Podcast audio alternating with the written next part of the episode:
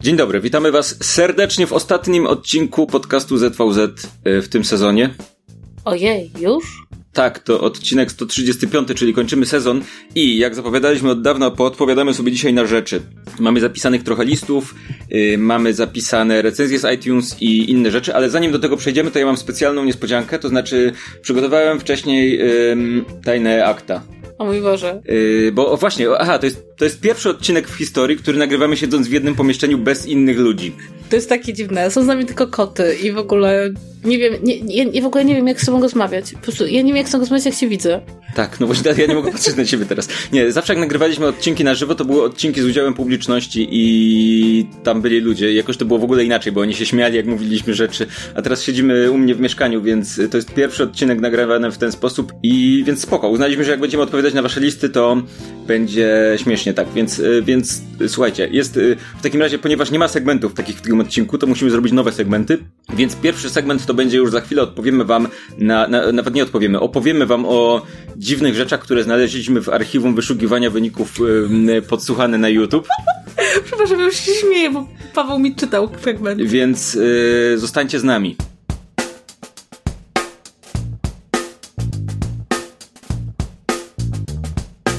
Okej, okay, więc jak, jak prawdopodobnie wiecie, mamy konto podsłuchane.pl na YouTube i jak się ma konto na YouTube, to ono wyświetla archiwum wyszukiwania, więc raz na jakiś czas się zdarza, że ktoś, ktoś y, jest zalogowany na nasze konto, nie zauważy, że nie, że, jest, y, że nie jest zalogowany na swoje konto na YouTubie i szuka czegoś. Y, próbuje coś znaleźć na YouTubie. Ostatnio znalazłem to archiwum wyszukiwania i znalazłem tam trochę dziwnych rzeczy.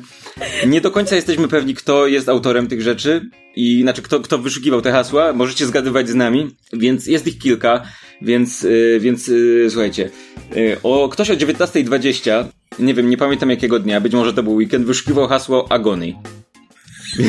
Kto, kto o 19.00 wyszukuje hasło Agonia?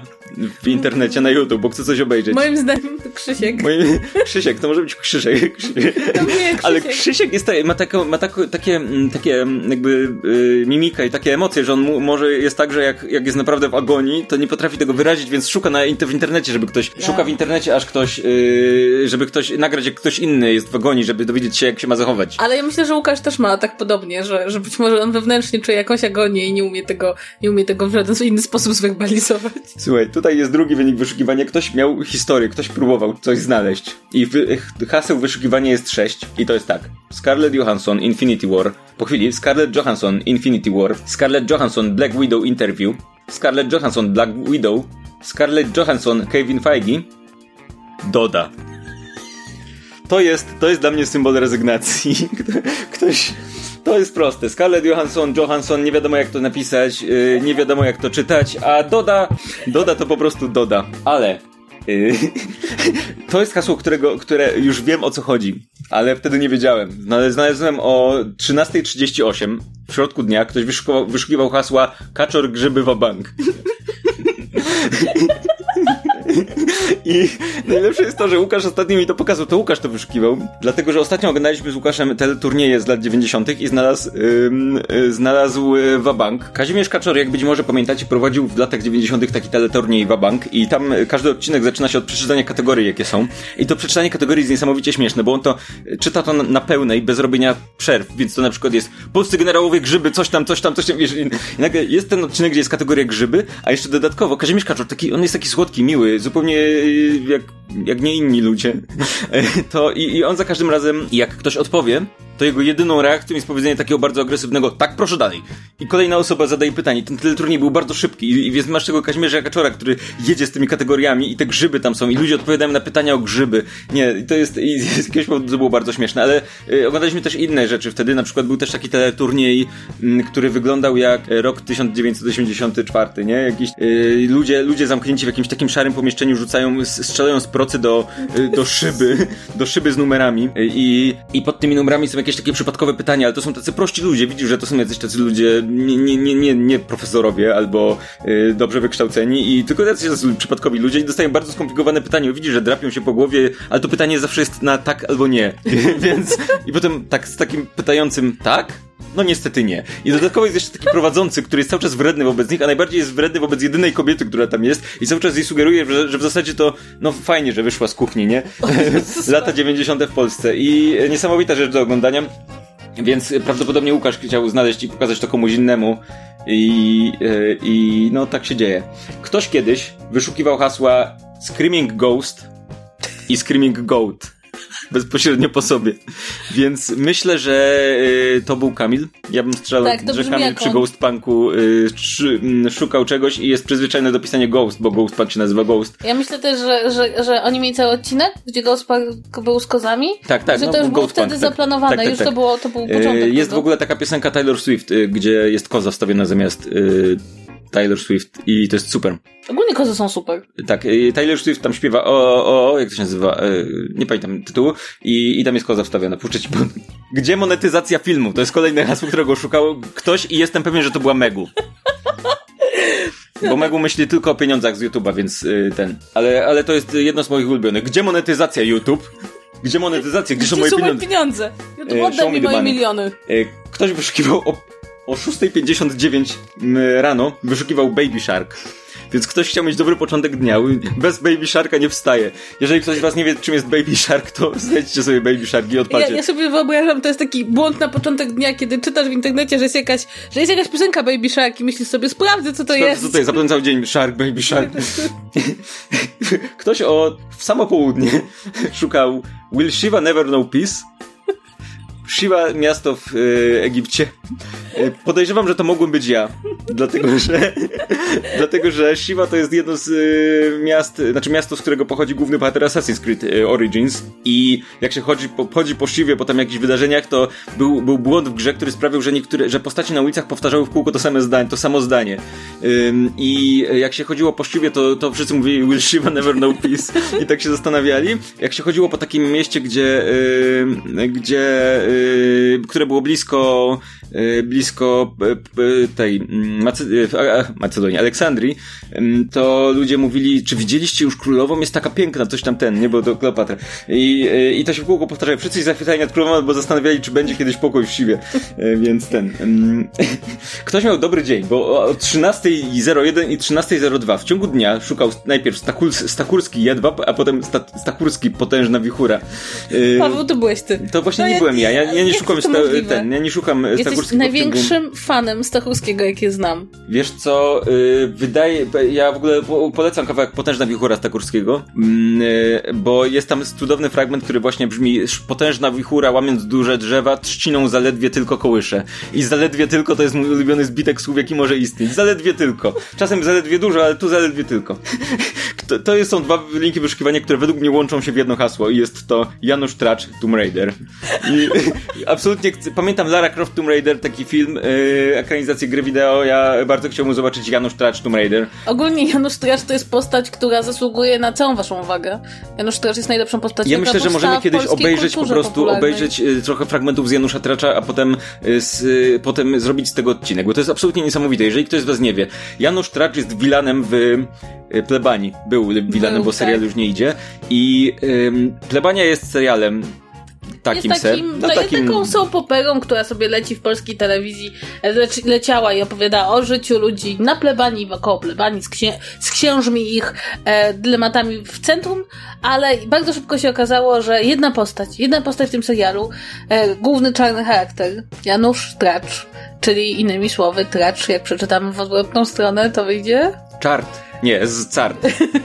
Mm, To- Ale tak, to jest zdecydowanie na, na, nawiązanie. On w ogóle jest, to jest niesamowita postać, bo w tym takim serialu, gdzie są no, problemy tam małego miasta, czy, czy Życia wsi, codziennego czy, życia codziennego, nagle pojawia się postać, której motywacją w ogóle jest robienie na ludziach eksperymentów społecznych po to, żeby y, ich zmuszać do wyrob, wyborów, wyrobów moralnych, wyroby moralne, do wyborów moralnych jakichś takich dziwnych, gdzie są zła, same złe rozwiązania i on faktycznie tych ludzi w ogóle w jakieś y, takie dziwne eksperymenty wkręcał, jakieś dziwne rzeczy robił, kupował jakieś rzeczy tylko po to, żeby potem je, nie wiem, zniszczyć na, na oczach kogoś, komu zależy na tym i żeby udowodnić, że on był takim antyksiędzem. Był ten ksiądz, który był super dobry i był on, jego celem było, celem było tak naprawdę udowodnienie ludziom, że, yy, że Bóg to, yy, to jest nieodpowiedni, nie? On nawet tak. nie, nie jest tak, że w niego nie wierzył, tylko raczej z nim walczył, więc on dosłownie był szatanem prawie, że Tak, no i Janusz Traż ogólnie rzecz biorąc, kiedy, kiedy się go wyjmie z tej plebanii, to jest to postać absolutnie fascynująca, jedna z najlepszych postaci w polskiej kulturze popularnej. E, także chyba dowód na to, że scenarzyści plebanii w pewnym momencie odkryli, że być może nie wszyscy oglądają wystarczająco uważnie serial i można do niego włożyć różne elementy, które być nie pasowałyby do normalnego e, telewizji. Natomiast e, Janusz Trel zrobił rzeczywiście niesamowitą karierę na YouTubie, kiedy ludzie odkryli jego jego istnienie.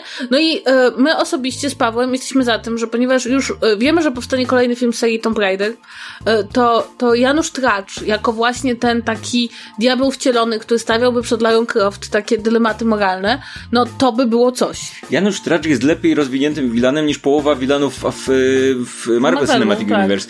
I w ogóle ja bym chciał zobaczyć spin-off, po prostu nazywałby się Tracz, bo ktoś kiedyś, ktoś w ogóle stwierdził, że na YouTubie, że nie, na YouTubie stwierdził, że nie ma sensu oglądać plebanii całej, tylko po prostu będzie wycinał sceny z Traczem i pomiędzy nimi wstawiał takie e, ekrany, które objaśniają, co się jakby zdarzyło w międzyczasie, żeby to miało sens i po prostu wtedy oglądasz serial o Januszu Traczu i który się dzieje w zasadzie w jego biurze albo w, nie wiem, on tam, nie wiem, czy plebanie odwiedzał raz na jakiś czas, ale głównie się dzieje w tym, czy tam nie biurze, tylko w jego domu gdzie różni ludzie przychodzą i po prostu on, on im grozi albo coś takiego robi i to jest, jest absolutnie świetnie się ogląda. Amerykanie mają serial Lucifer.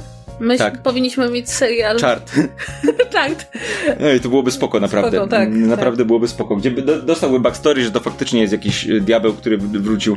Um, to, to mnie fascynuje, bo, bo ktoś pisał najpierw Trippy Animation, a potem Trippy Animation 4K, więc widocznie ta pierwsza była niewystarczająco dobrej jakości. E, to mogłem też być ja z jakiegoś powodu, nie wiem. To brzmi zupełnie jak ty. I to, tylko tak w środku dnia?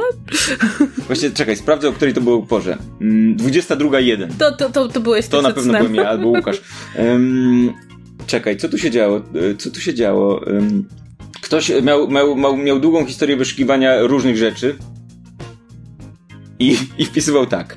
Comics Weekly 23.10 Comics Weekly, po chwili Katus Gikus, po chwili Komiksomaniak, po chwili Katus Gikus, widocznie jeden raz nie wystarczył. Kolejny Paweł Opydo, kolejny Ikabot, kolejny Jimmy Kimmel Trump. Więc ktoś chciał zobaczyć swoich ulubionych y, twórców internetowych prawdopodobnie. Ale to brzmi zupełnie jak ja. To znaczy, jak osoba, która nie zna innego sposobu, żeby dowiedzieć się co u jego znajomych, niż przeszukać YouTube'a po ich kanałach, a potem sobie przypomina, że miał obejrzeć fragment e, e, monologu Jimmy'ego Kimmela o Trumpie. To, to, bardzo lubię. Tutaj godzina jest kluczowa. Ktoś o 5.26 wpisał w wyszukiwarkę Wonder Woman. Więc to musiała być dobra impreza. Ktoś chciał Wonder Woman obejrzeć na YouTubie, prawdopodobnie nie wyszło. Ktoś o 22 minuty po północy wyszukał hasło zbrodnie. Więc, e, no. Więc musimy się przeliczyć w podsłuchanym. Tak, musimy się, co, czegoś będzie brakowało.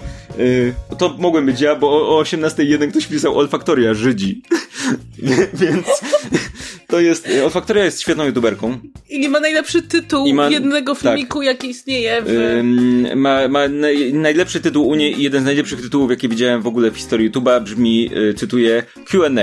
Ideał faceta, Żydzi, dzieciństwo, praca, zwierzęta. I to jest po prostu, to jest po prostu idealne, yy, idealne połączenie wszystkiego. Jakby nie ma, nie ma nic lepszego. Nie, nie ma, zdecydowanie. Yy, więc yy, to, to są wyniki w ogóle z roku, czy coś takiego, więc yy, może pojawią się jakieś inne jeszcze. Naprawdę, zaglądajcie do swojej historii wyszukiwania YouTube, zwłaszcza jeżeli macie na przykład współdzielony telewizor albo komputer, możecie tam znaleźć nietypowe rzeczy. E, więc... Właśnie rozwaliliśmy ze dwa związki, mam tak wrażenie. Mm, wiesz co, powiem tak. Jest... Łukasz jest zalogowany na konto do, na, u naszego znajomego wspólnego. Na, znaczy, ma, ma, jest zalogowany na telewizorze, bo tam jakaś impreza była, chciał coś puścić, jakąś mhm. playlistę. I um, Kuba pisze zawsze do nas, jak wie, że jest impreza, bo widzi, że tam zaczyna się wyszukiwanie do skoza, nie? Jakiś tam te turnieje z lat 90. i tak dalej. Mówi, o, widzę, że, coś, że siedzicie, nie? Więc, yy, więc no, czasem dobrze, czasem dobrze wiedzieć, nie? Yy, dobra, więc to tyle, jeżeli chodzi o wyniki wyszukiwania. Mam nadzieję, że może macie jakieś teorie w ogóle, czego to dotyczyło. Yy, gdzie monetyzacja YouTube'a w końcu się dowiedzieć? Gdzie pieniądze? Yy, doda. I, doda. Gdzie pieniądze? Doda. I, I tyle. Za chwilę wracamy do Was z odpowiedziami na Wasze recenzje z iTunes na, i na maile, na kilka maili, więc nie, nie uciekajcie zbyt szybko.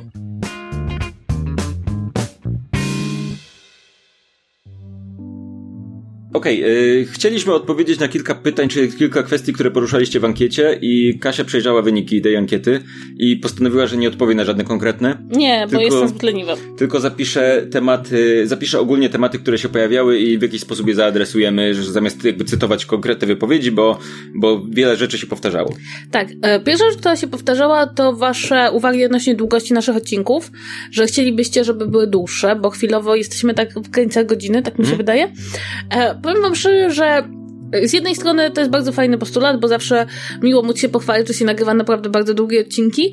Z drugiej strony czasem mam wrażenie, że gdybyśmy chcieli, żeby odcinki były dłuższe, to nie mielibyśmy o czym mówić. To znaczy my tak zasadniczo rzecz biorąc nie narzucamy sobie aż tak bardzo reżimu, e, tylko ko po koło godziny rozmawiania na ten sam temat, trochę zaczynają się nam kończyć wątki. Znaczy, są takie tematy, które pewnie byśmy mogli dużo bardziej rozwinąć, ale wydaje mi się, że w większości przypadków po godzinie naprawdę musielibyśmy zacząć już się powtarzać. Takie, tak, takie wrażenie. Nie miałem nigdy takiego wrażenia, że, że jest jakiś temat, który obgadujemy i nagle, o, czas nas goni, więc już będziemy kończyć. Jakby, czasem się tak, czasem się zdarza, że coś takiego mówimy w podcaście, ale to jest z reguły, z reguły nie wynika z tego, że faktycznie mamy coś jeszcze dużego do powiedzenia, tylko raczej po prostu już tak trochę wyciskamy resztki z tego tematu, ale nie miałem takiego jakby nie, nie, to nie jest tak, że przerywamy, bo mamy godzinę, tylko jakoś tak, z jednej strony jesteśmy nauczeni, że pewnie w głowie masz, jest przyzwyczajenie, że okej, okay, to trwa mniej więcej godzinę, więc trzeba by już kończyć, a z drugiej strony wydaje mi się, że, y, że ta, ta maksymalnie godzina, czasem 45-50 minut, to jest takie, to jest taki rozsądny format, y, to znaczy, ja często mam na przykład podcasty, które mają, nie wiem, półtora godziny czy coś takiego i nie jestem ich w stanie wysłuchać naraz, potem nie zawsze wracam do tego odcinka, a czasem jak wracam, to nie pamiętam o czym była dyskusja i trochę mi tak ciężko jest, wiesz, wrócić nagle y, w połowie jakiegoś zdania, Y, a, a mam wrażenie, że takie godziny to też jest w porządku format, zwłaszcza, że jesteśmy co tydzień, a te dłuższe często jakby nie wychodzą y, regularnie co tydzień, nie? Na przykład mamy Myszmasza, który jest niesamowicie długi, ale wychodzi co dwa tygodnie, więc coś za coś, tak mi się wydaje. Tak, ogólnie rzecz biorąc mam takie, mam takie poczucie, że nam też ta długość pasuje i nigdy nie było tak, że się przycięliśmy, bo, bo już musieliśmy skończyć po godzinę. E, druga kwestia, którą część z Was podnosiła i tutaj e, od razu Wam chciałabym pokazać, jak działają tego typu ankiety, to jest fakt, że e, niektórym się ta muzyka, która jest u nas się podoba, jest fajna i chcą ją w ogóle w każdym podcaście, a z kolei obok tego są głosy, że nie, że muzyka jest niedobra, jest za głośna. Słuchajcie, problem polega na tym, że nam, nam osobiście muzyka pasuje i moim zdaniem bardzo fajnie wypełnia, wypełnia to, co mówimy i to jakoś brzmi jak podcast, a nie jak dwie osoby siedzące w jakimś pomieszczeniu. Mm, natomiast, e, natomiast wydaje mi się, że tutaj będzie bardzo trudno znaleźć konsensus. To znaczy, autentycznie jak przejrzałam te wasze ankiety, to mniej więcej na każde zdanie wyrzućcie muzykę z ZVZ, pojawiło się drugie zdanie pod tytułem super jest ta muzyka z ZVZ, dodajcie ją do innych podcastów. To w ogóle jest yy, taka wielka wojna w, w, świecie podcastów. To znaczy, zasadniczo jest podział na, na takie dwie grupy. Jedna uważa, żeby dodawać muzykę, druga uważa, żeby nie dodawać muzyki. Ja słucham podcastów, które są i takie, i takie.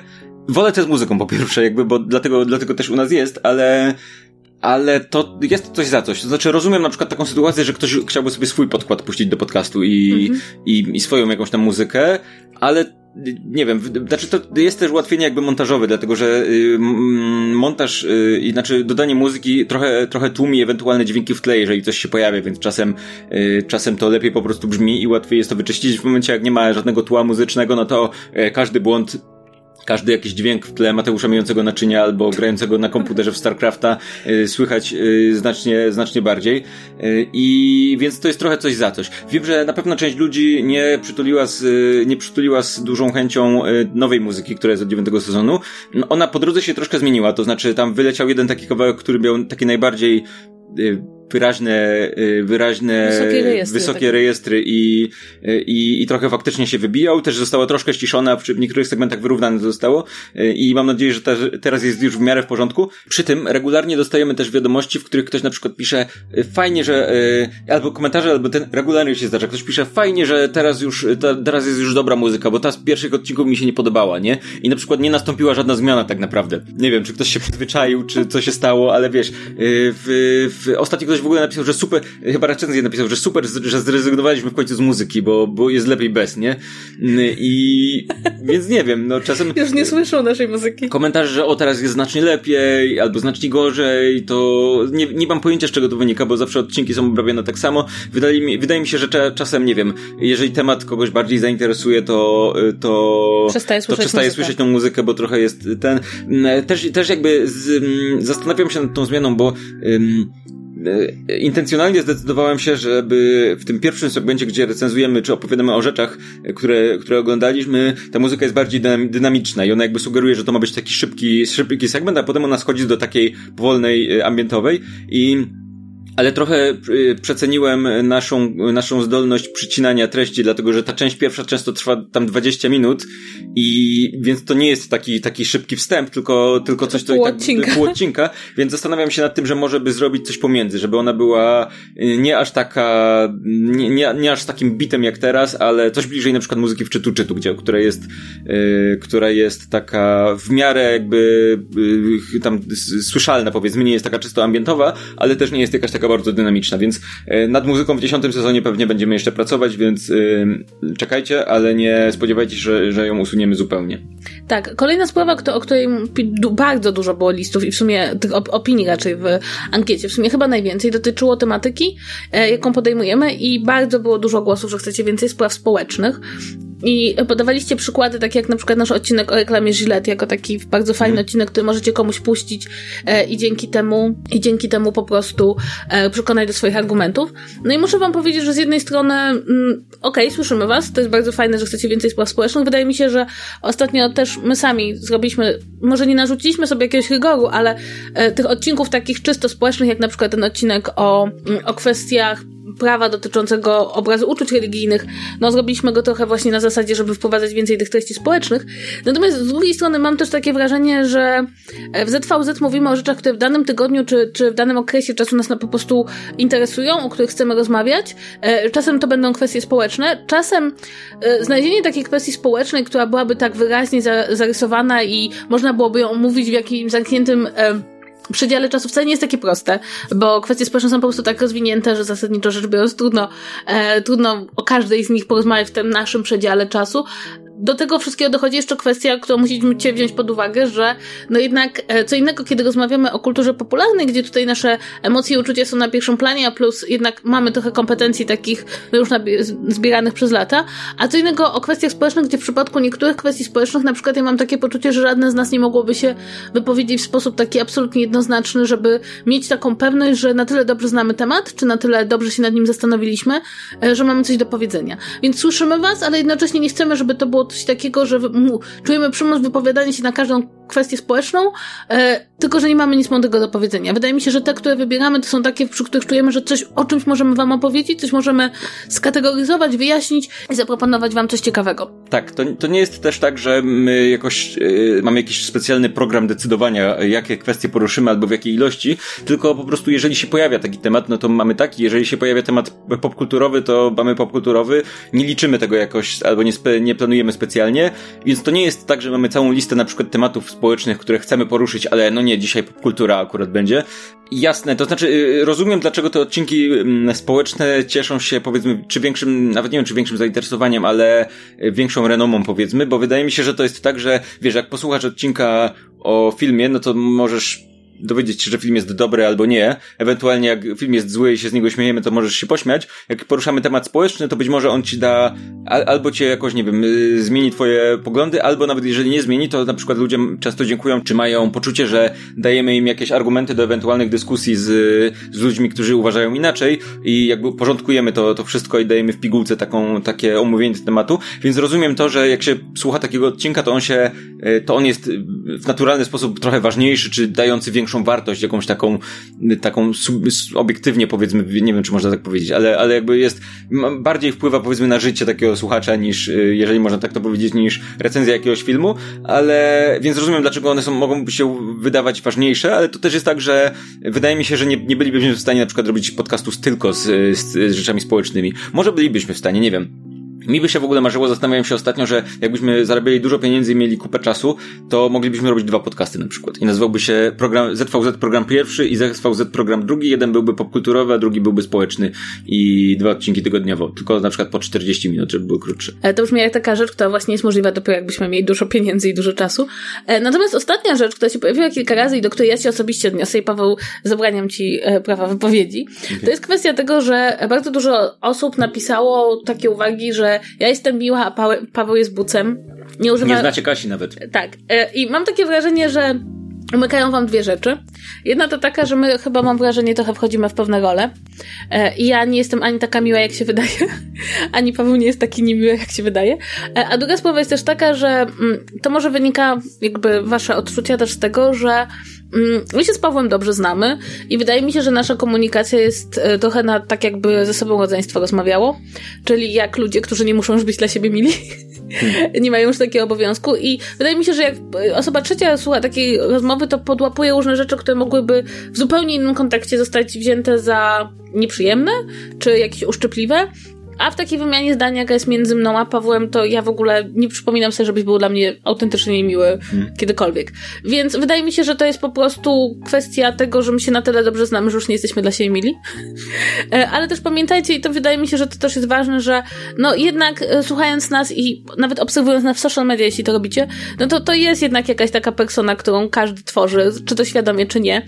E, I, jesteśmy troszeczkę, trochę mamy inne charaktery.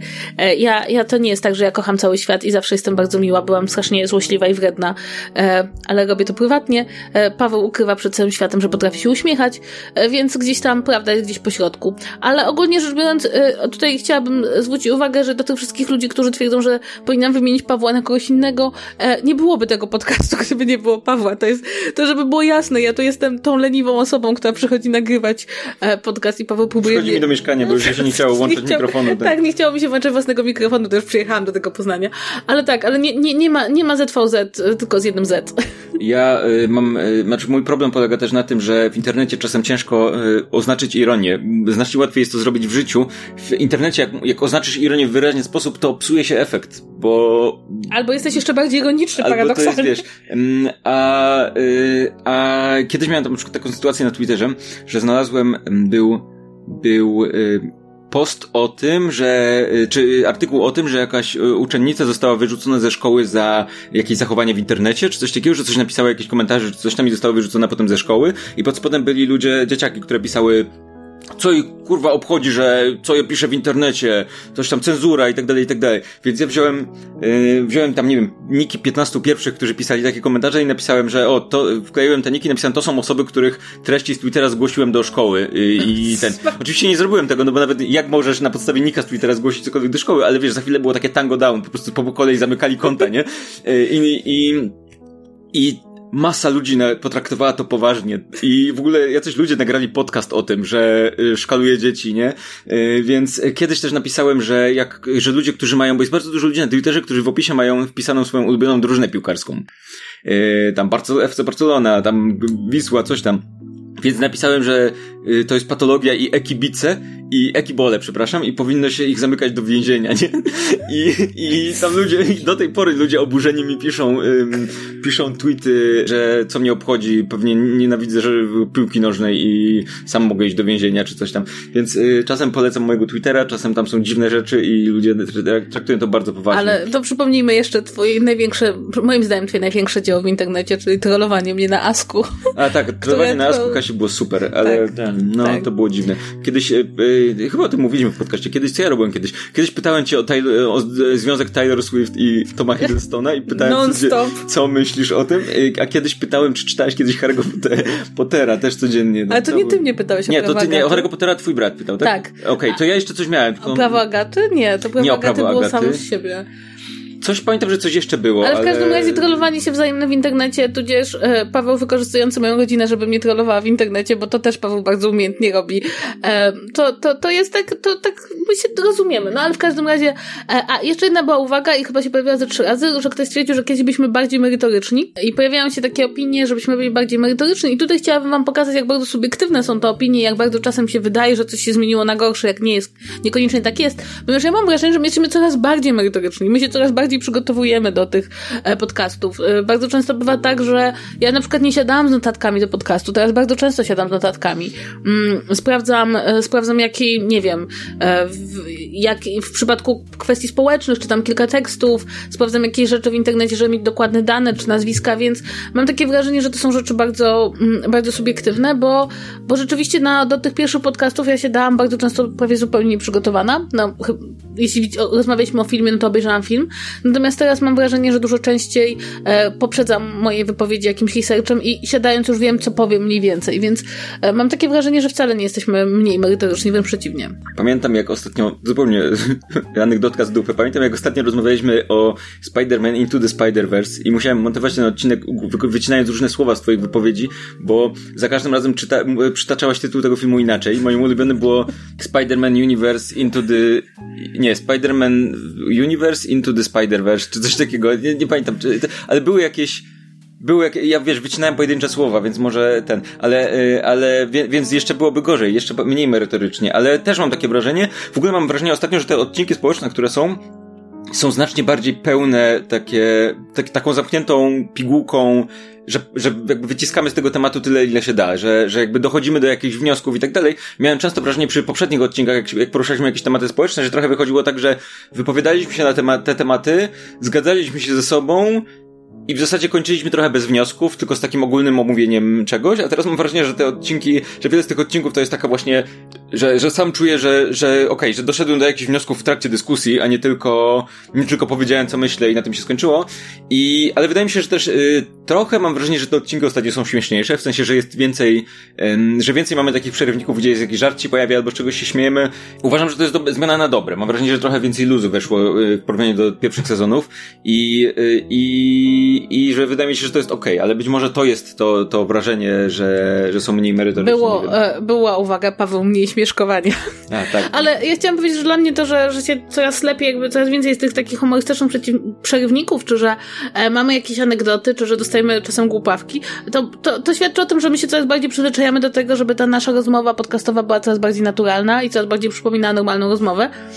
Co e, jest dziwne, kiedy mówię to patrząc na Pawła, ale starając się na niego nie patrzeć, żeby mówić jak w podcaście, a nie jak w normalnej rozmowie. W ogóle, a propos tego, jest recenzja z iTunes, bo ostatnio pojawiły się dwie recenzje, które da dały nam jedynki i jedna recenzja brzmi Tendencja spadkowa, a ostatni odcinek, tak słaby, a zmusiałem tu wejść i dać jedną gwiazdkę i napisać ta, ta, ta, tą recenzję. Pisownia oryginalna. I, y, pisownia, właśnie przeczytałem pisownię wam. Mm, I Ym, znaczy, pierwsza moja, pierwsza moja uwaga to było w ogóle, co się stało? Co się stało? Bo wynika z tego, że ten ktoś słucha naszego podcastu na bieżąco. No bo skoro tendencja spadkowa, to znaczy, że słucha na bieżąco. I ta tendencja spadkowa jest tak spadkowa, że postanowił wejść do internetu i dać nam ocenę 1 na 5. Nie, to nie było tak wchodzi i dał czwórkę, bo kurczę, ostatnio słabsze odcinki i jakieś uwagi, tylko była, jest tak spadkowa, więc stwierdziłem, że muszę sprawdzić, który to jest ostatni odcinek. Sprawdziłem datę i, i jaki odcinek się ostatnio pojawił i to jest odcinek Ariana Grande jest reptyliańską księżniczką i to jest faktycznie odcinek, gdzie popłynęliśmy y, mocno. Bardzo, bardzo. Ale, ale jakby to też jest, e, wydaje mi się, dość taka ciekawa rada, bo e, jasne, rozmawialiśmy o teoriach spiskowych i, i też zupełnie poważnie o nich rozmawialiśmy, no ale słuchajcie, z drugiej strony, no jeśli, jeśli mamy możliwość zasugerowania wam, że Ariana Grande jest reptyliańską księżniczką... Yy, udowodnijcie nam, że nie. Właśnie, o, to jest, to jest, jak nam udowodnicie, to my przestaniemy... Ja mam argumenty. Jest jeden teledysk, gdzie jej twarz się zmienia w inną kobietę i ma tam też łuski. Poza tym nikt nie może mieć tak wysoko podniesionych włosów, nie będąc reptylianinem. Tak, i takich rysów twarzy. To jest yy, nawet Megu, yy, a też jest reptylianką, a nie ma takich. Nie, zdecydowanie. Jezu, mieliśmy nie mówić. Nie gorzej. Yy, dobra. A druga recenzja? A jeszcze druga dwie. recenzja, jak napisał ją Krzysiek, ale nie nasz Krzysiek. Też tam jeden na, jeden na pięć i tytuł recenzji opydo. Treść recenzji opydo. I chyba tyle wystarczy. Yy, dzięki Krzysiek. Super, jakby dobrze, dobrze. Mnie przekonał, nie? Więc, więc jest, jest okej. Okay. Więc to też, brzmi po prostu. Ale Paweł, czy ktoś recenzując twoje życie zrobi taki jeden na jeden opydo? Opydo, jeden na jeden. Za dużo opydo. Jakby bez opydo byłoby lepiej. Ale mamy, mamy też inne recenzje. Dalej, dalej ktoś pisze to jest tytuł recenzji. ZVZ odkryłem stosunkowo niedawno, jakiś miesiąc temu. W ogóle podcasty odkryłem niedawno. Jakie moje życie barwne się stało. Jesteście zajebiści w tym, co robicie i zastanawiam się, czy chciałbym podcast dwa razy w tygodniu. Czy jakość by spadła, czy nadal yy, bylibyście tacy sami, to bylibyście tacy sami wy? No w każdym razie jestem w trakcie nadrabiania i dalej życzę wam yy, i dalej. Polecam każdemu. Y, dziękujemy za polecenia, super to jest. Jeżeli dzięki polece... Janek w ogóle. Tak, dzięki Janek. Janek napisał. Janek napisał. Janek też napisał do nas list. Nie wiem, czy ten sam Janek. Być może więcej ludzi ma na imię Janek. Co? No, wyobrażasz to sobie? E, ale więc dziękujemy, dziękujemy za polecenie i w ogóle zapraszamy. Jeżeli możecie komuś polecić podcasty, to podcasty są spoko, bo mam wrażenie, że w tym momencie największe wyzwanie, wyzwanie jeżeli chodzi o podcasty, to jest przekonanie ludzi, że to jest w ogóle format, który, który warto, którego warto słuchać, dlatego że, wiesz, jak ktoś jest przyzwyczajony do filmów na YouTube, a tutaj ma materiał, który ma godzinę i albo dwie, i nie ma w nim obrazu, no to, to może to zanim usiądzie, to, to jest też ciężko, zwłaszcza, że i też nad tym pracujemy. Jeżeli macie jakieś pomysły i sugestie, to zapraszamy, bo mamy taki problem, że mamy 135 odcinków w tym momencie, plus kilka specjalnych i myślę, że to jest coś, taka ściana odcinków to jest coś, co trudno, nie, trudno powiedzieć, gdzie zacząć. I więc, więc chcemy w jakiś sposób oznaczać to, oznaczać na przykład początek sezonu, tak żeby, czy oznaczać y, jakiś wybór odcinków, które byłyby, y, by, byłyby polecane na początek. Y, mamy kilka pomysłów, jak to ogarnąć, ale jeżeli macie to coś, to polecamy. Więc, tak. a, więc, a i jest pytanie o podcast dwa razy w tygodniu. To no trochę właśnie. mówiliśmy już wcześniej. Tak, no mówiliśmy, że, że jakby przede wszystkim nie mamy na to czasu, zwłaszcza, że każdy z nas nagrywa jeszcze inne podcasty. Ja mam czytu, czytu, więc ogólnie rzecz biorąc ja dwa razy w tygodniu siadam przed mikrofonem, e, ale też mi się wydaje, że, musi, że warto sobie zdać sprawę, że jak jeśli Pawłem, to, czy my nie, to nie jest tak, że my rozmawiamy raz na tydzień, my się w sumie komunikujemy prawie codziennie, mm, ale jeśli siadamy po tygodniu do rozmowy, no to to jest trochę tak, jak się dzwoni do kogoś po tygodniu, tak? Człowiek ma dużo więcej przemyśleń i dużo więcej entuzjazmu do takiej rozmowy. I też wydaje mi się, że dwa razy w tygodniu to to jest za dużo. Jakby podcast jest taką formą e, dłuższą, na którą sobie gdzieś tam w tygodniu wykroić czas i mam wrażenie, że jak patrzymy w jakich czynnościach wam towarzyszymy, czyli w jakimś porządkach, czy w jakimś prasowaniu, czy w jakichś takich czynnościach, które się robi mniej więcej raz na tydzień i trzeba się do nich zebrać i ten podcast e, jakoś wam pomaga, nie wiem, zmyć talerze po całym e, tygodniu, nie wiem, nie, mam nadzieję, że zmywacie częściej niż raz na tydzień, e, albo w, Może albo w jakiejś drodze do, do domu, na przykład, kiedy wracacie powiedzmy ze studiów na weekend do, do rodziców, więc wydaje mi się, że po prostu to jest najlepszy, najlepsza częstotliwość. Rzadziej, moim zdaniem jest za rzadko, bo za łatwo za, zapomnieć, że podcast jest, a częściej wydaje mi się, że po prostu wtedy byście już nie mieli ochoty na słuchać tak często. Ja bym nie chciała siebie słuchać dwa razy w tygodniu. Wiesz co, y, ja, mi, mi to no nie tyle chodzi po głowie, bo to jest, y, bo to jest y, za dużo powiedzieć, żeby chodzi mi, że to chodzi mi po głowie, ale ja sobie to wyobrażam na takiej zasadzie, żebyśmy właśnie podzielili podcast na, na dwa podcasty, jakieś spin-off, drugi jakiś spin-off, nie wiem, czy, czy cokolwiek, tak żeby wydzielić tą pierwszą część popkulturową i trochę mniej ją robić szybką, tylko robić, yy, robić jakby dłuższe omówienie, nie wiem, rozwinąć się do pół godziny, a tematy społeczne zrobić w, i, i recenzję jakby tam też jakby wpasować to wszystko i z tematów społecznych zrobić osobny podcast, tylko że to byłyby na przykład dwa podcasty, które by trwały po pół godziny bliżej, nie? Yy, no tam plus trzy minuty na przywitanie się i pożegnanie, to jest coś, co y, gdybyśmy, gdybyśmy mieli, bo to jest też więcej montażu, trochę więcej zabawy, ale gdybyśmy, nie wiem, zaczęli na tym jakoś regularnie zarabiać na tyle, żeby sobie móc na to pozwolić, to jakby wyobrażam sobie to, że, że żeby podzielić ten temat, ten, ten podcast na na bardziej, y, na dwa, dwa bardziej skonkretyzowane, jeden kulturowy, drugi, y, drugi taki społeczny, tylko że wtedy wyobraźcie sobie raczej, że to będą odcinki bliżej 30-40 minut y, i, i na przykład dwa podcasty niż, niż taki jeden dłuższy, przy tym to jest nadal to, nie, nie traktujcie tego jako planów. To jest raczej taka, coś, co widzę w swojej głowie jako ewentualną opcję do przemyślenia, jeżeli będziemy mieli na to czas i mogli sobie na to pozwolić. Ale a propos, przypomniałem sobie w ogóle, jest podcast Daj Głos, który prowadzi Natalia Dołżycka, którą znam, więc e, pozdrawiam Natalia, na pewno nas nie słucha. I Paweł Płocharski, jego nie znam, więc... E, więc go nie pozdrawiam. Więc go nie pozdrawiam. E, I to jest podcast, który w ogóle ma, jest pomyślany w ten sposób, że to jest podcast o, który, który jest jest dla właścicieli psów, więc że jak idziesz z psem na spacer, to możesz sobie puścić podcast. Ale mega. I tam w ogóle jest takie coś, że tam jest jakiś, ja nie pamiętam dokładnie, bo ja nie mam, nie mam psa. Wiem tylko, Vincent to o tym opowiadał, że tam jest w ogóle jakiś taki przerywnik, yy, że on jest chyba w takim momencie, że, że jak wyjdziesz z psem na spacer, to akurat ten przerywnik jest wtedy po jednym spacerze, więc na dwa spacery wychodzi. Ja mogę ściemniać w tym momencie. Jest tam jakoś, jego długość jest w jakiś sposób chyba przystosowana do tych spacerów, e, więc, e, więc super. I, i to nie jest, to nie jest podcast o psach. W sensie to jest podcast o na przykład ostatni odcinek z grze o Tron. Albo, a kolejny o recenzji książki o psach, akurat to jest o psach, ale, ale, ale to nie jest tylko o psach, ale jest długość, więc Natal jest spoko, nie słuchałem tego podcastu, ale Natal jest super, więc, więc Ale muszę ci powiedzieć, że ja mam, a propos długości podcastów, jeszcze chciałam zwrócić uwagę, że jest podcast Davida Tenanta, gdzie on rozmawia z różnymi aktorami i jest absolutnie cudowne, bo hmm. są to świetne wywiady, a potem w każdym odcinku jest David Tennant i ja mam uważam, że to jest najlepszy podcast na świecie, ponieważ on trwa 50 minut zwykle, 25 minut jadę do pracy. Więc słucham pierwszej połowy wywiadu, jak jadę do pracy i drugiej połowy wywiadu, jak wracam z pracy. E, jest podcast Conana O'Briana nie wiem, czy miałeś okazję go słyszeć. Nie, nigdy w życiu. Format podcastu Conana O'Briana jest taki, że on we wstępie mówi, że dowiedział się ostatnio, że ci wszyscy ludzie, którzy przychodzą do jego programu, to są zaproszeni, a nie dlatego, że go lubią, przychodzą, więc nie ma przyjaciół. E, więc e, chce znaleźć przyjaciół teraz i zaprasza kolejnych celebrytów i prowadzi z nimi taką rozmowę kwalifikacyjną, że czy mogliby się zaprzyjaźnić. I po prostu, i on taki w ogóle smutny na początku mówi, że moje, nie ma przyjaciół, moją jedną przyjaciółką jest tam moja asystentka, na co jest ta asystentka, która jest tam w każdym odcinku i on mówi, że ona go nie lubi, ona tylko pracuje, nie? I, więc on taki smutny chodzi i mówi, że szuka tych przyjaciół. Nazywa się, podcast, podcast się nazywa Conan O'Brien szuka przyjaciół. Polecam bardzo mocno też. E, Okej, okay. segment z polecaniem innych podcastów yy, możemy zakończyć. Kolejna recenzja, która się pojawiła, ktoś napisał zacnie i napisał Krzysztof. Yy, ZVZ to według mnie jeden z najciekawszych podcastów w Polsce. Mimo, że notorycznie nie zgadzam się z prowadzącym, lubię to, jak potrafi przedstawić swój punkt widzenia. Nigdy mnie nie przekonał, ale nauczyłem, to do mnie konkretnie, nauczyłem się od niego, że warto zawsze próbować zrozumieć osobę, której wybór jest dla mnie yy, samego durny. Dzięki. Paweł, jakbym był kobietą, rzuciłbym ci stanikiem z widowni. Tak trzymaj, zwierz, ciebie też kocham. No więc y, po pierwsze, y, nie musisz być kobietą, żeby rzucić stanikiem. Można rzucić stanikiem, każdy nie może, każdy może rzucić stanikiem. Nawet y, kot na przykład. Możesz kupić stanik. Nie, kot nie może, bo nie ma przeciwstawnych kciuków. Ale wiesz co, tylko to jest kwestia polega na tym, nie że mamy widowni. Że już masz rzucać stanikiem, to ja zapytaj osobę, w którą rzuca stanikiem, jaki ma rozmiar, bo staniki są strasznie drogie w ogóle, o czym mężczyźni bardzo często nie wiedzą. One kosztują około 200 zł, a nawet więcej. Więc jeśli już masz kogoś rzucać stanikiem, to może takim, który pasuje, żeby ta osoba mogła to wykorzystać potem. I od razu masz takich, musisz taki chwyt zrobić, jak, jak pływanie czym to jest, czym to jest pływanie? Nie, pieskiem jest takie, Żabką. Żabką pływanie i wtedy i od razu go zakładasz. Ten, ten.